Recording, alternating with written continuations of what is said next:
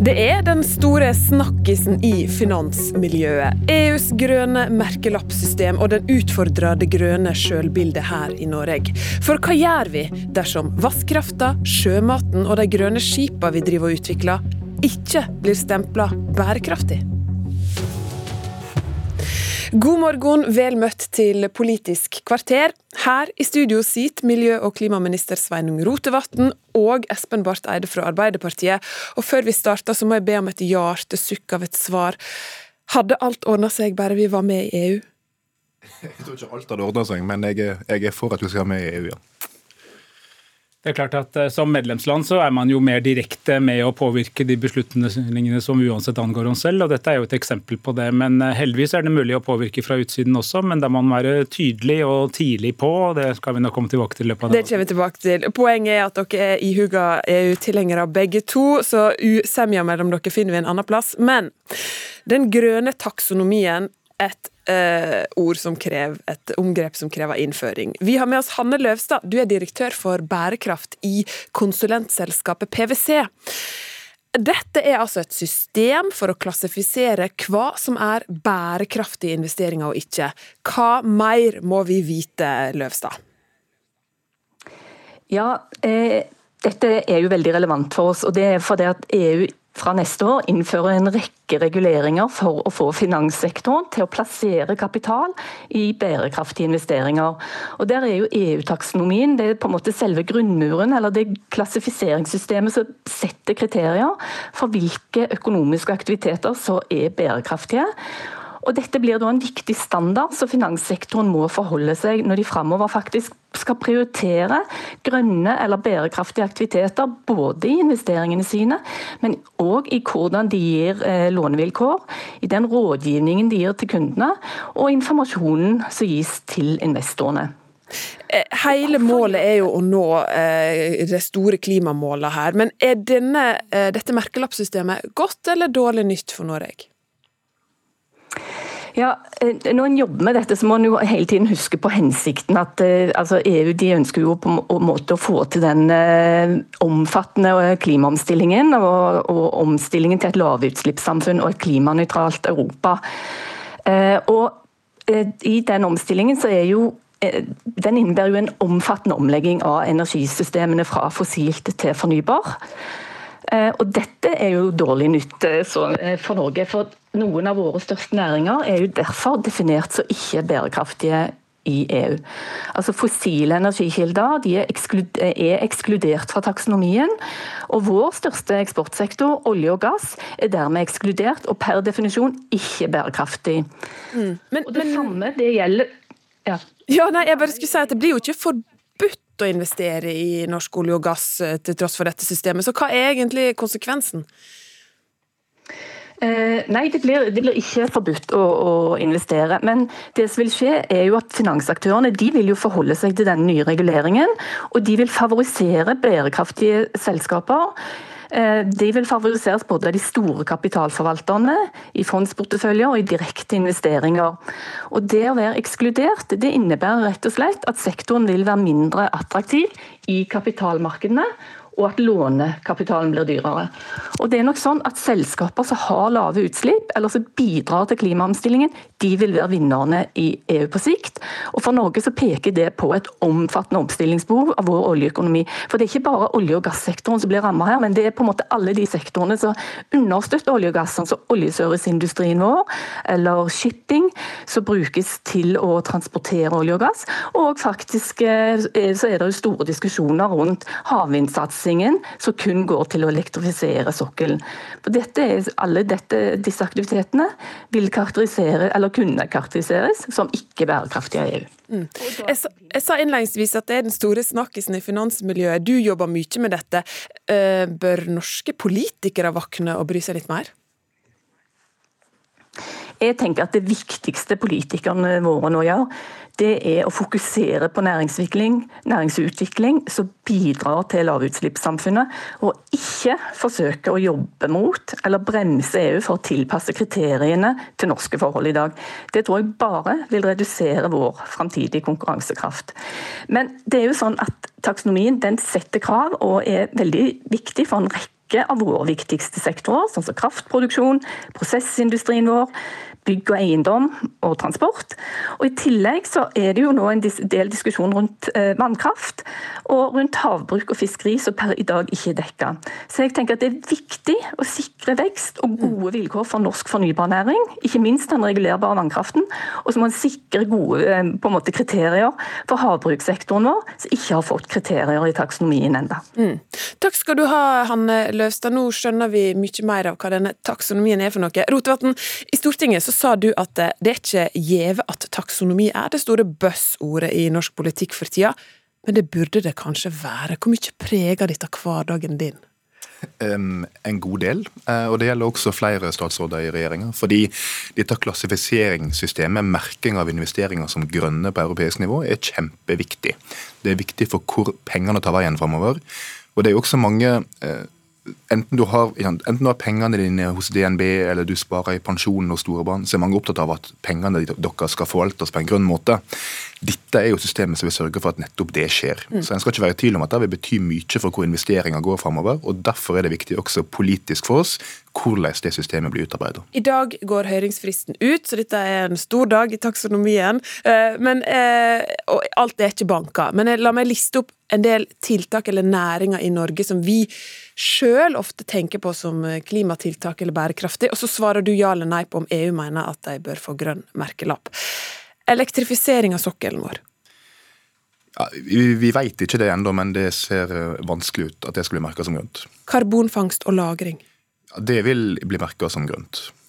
Grønn skipsfart. Det slik det ser ut nå, kommer an på hva en skal bruke skipet til. Eh, og det er en av tingene Vi er litt skeptiske til i vårt høringssvar, at vi mener at grønne skip bør være grønne uansett. Altså Poenget er at så lenge de skal frakte olje og gass, så kan de slite med å grønne, bli grønne? Ja, for eksempel. Ja. Eh, utbygging eller oppgradering av eh, den grønne vannkrafta vår? Nei, Det vil bli merka som grønt, men det er en del krav til det. Bl.a. at du må ta i vare biologisk mangfold og hensyn til fisk osv. Dette er jo vi godt kjent med i norsk vannkraftutbygging-historie. Og det er bra at du stiller krav til det, men vi har også noen innvendinger til måten regelverket der er utforma på. Men det er klart vannkraft vil i de fleste tilfeller være grønne investeringer. Men faktisk ikke alle. Det er iallfall en stor diskusjon. Eh, sjømaten vår. Det vet vi ikke ennå. Fordi sjømat har en ikke kommet til ennå når det gjelder klassifisering. Så det betyr ikke at det ikke er grønt, men det er ikke blitt merka som grønt ennå. Og vi mener at det bør bli det, fordi fiskeri og sjømat er enormt bærekraftig. Matproduksjon for framtida. Eh, så det håper vi at vil bli merka som grønt eh, når en kommer til det. Espen Barth Eide, stortingsrepresentant for Arbeiderpartiet. Jeg har introdusert det tidligere. Har eh, Rotevatn kontrollen inn mot EU her for å sikre våre grønne norske interesser? Spørsmålet er om vi har kontroll nok, fordi at dette er altså noe av det viktigste som skjer nå og vil forme vår fremtid i veldig stor grad. fordi at eh, Kommer man ikke på listen over det som er grønt, så blir det vanskeligere og dyrere å få tak i kapital. Det er jo som det ble sagt her eh, ikke noe forbud. Det er bare det at eh, banker og fond og investorer nå søker mot mer grønne løsninger. Og endelig får vi et omforent system for det. Og, og Den lista som jeg lista opp, den viser jo at mye av det vi har trodd har vært grønt, ikke er grønt likevel? Fordi Det jeg tror vi har gjort, er at vi har trodd at mye av det vi drev med var automatisk grønt. Altså Bare vi sa vannkraft, så var det grønt. Bare vi sa norsk oppdrett, så var det bra. Det som nå skjer, er at også vi må se på livslø livsløpssyklusen til de tingene vi driver med. Det er et rimelig krav. Også et vannkraftverk er jo i utgangspunktet et naturinngrep. Og så må man se forholdet mellom naturinngrepet på negativ side med fordelen av den rene kraften. og Da prøver EU å lage noen regnestykker. da. EU er enig i at vannkraft i utgangspunktet er en god idé. Men altså hvilke kriterier legger til grunn. Og Der har norsk kraftbransje kommet med noen ganske fornuftige påpekninger som eh, bør tatt, bli tatt med, som er at f.eks. de beregningsmåtene som er brukt, kanskje passer bedre midt på kontinentet enn norske fjellheimen. F.eks. hvis vi har dammet opp et fjellvann som allerede var der, skal man da regne hele det arealet? Eller skal man regne endringen som ble til etter at man gjorde om vannet, fjellvannet til reservoar? Det er mange tekniske spørsmål, men min eh, utfordring til regjeringen er at jeg føler at man kom litt sent på banen for å ta del i den detaljerte utformingen. Vi er alle for at dette bør skje, men det er altså Norge har noen særlige erfaringer, f.eks. på vannkraft, f.eks. på akvakultur, også på shipping, som vi er inne på, eh, som burde være på bordet når EU eh, legger siste hånd på verk for å lage disse kriteriene. Og Der opplever jeg at man var litt sent på, og jeg har inntrykk av at veldig mange norske bransjeorganisasjoner også opplever at regjeringen eh, var seint ute i Brussel med å fremme norske synspunkter på dette. Nei, det var vi overhodet ikke. Vi har deltatt i dette arbeidet hele veien og vært positive i det hele, hele veien. Det kan jeg bare skyte inn, vi, har, vi, vi, sitter ikke helt på gangen i dette spørsmålet? Nei, vi deltar i de ekspertgruppene som har sittet og jobba nå med kriterier for hvordan dette her skal bli. Men det er at vi kan ikke bestemme det her alene. Eh, og nå er det bare en åpen høring der alle land og interesse, både Norge og Sverige og Rederiforbundet, hvem det måtte være, skal melde inn hvordan en ser på forslagene.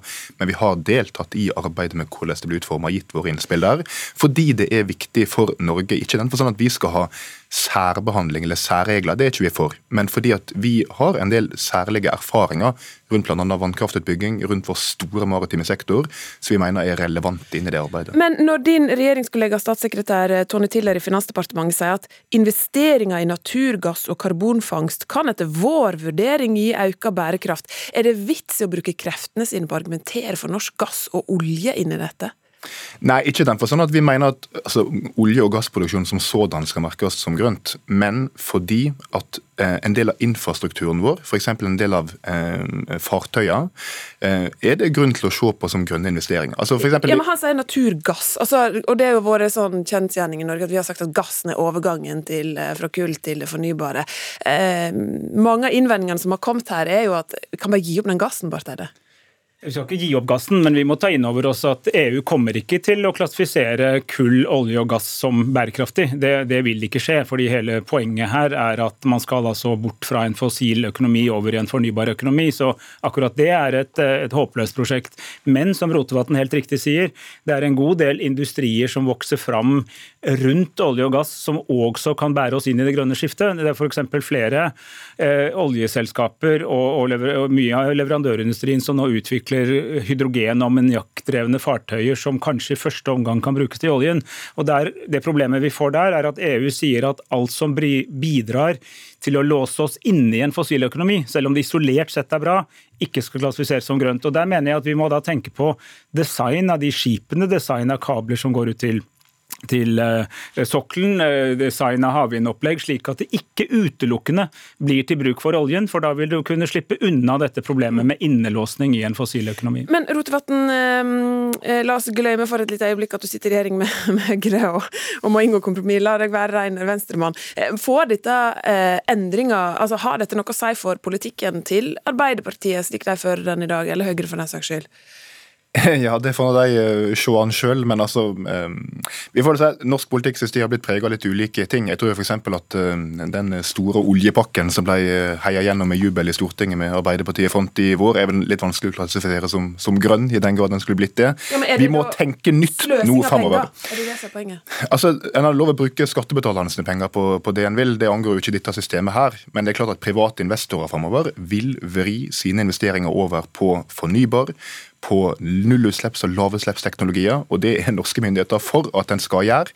Men det er klart det må treffe på en god måte, og derfor har vi nå skrevet et langt og grundig høringsspill som vi har sendt inn til EU og til kommisjonen med våre forslag til justeringer i regelverket. Men det er jo et poeng her. Oljeskattepakken var jo dere forferdelig stolte av i Arbeiderpartiet, Barth Eide. Og så er ikke noe framtid i det. Nå er, var det også slik at Venstre var med på den endelige pakken som ble vedtatt. Det var eh, seks partier i Stortinget, stort flertall, som gikk inn for den. Men det som er helt riktig, er at eh, det grønne skiftet vi alle vet vil komme, kommer nå mye fortere.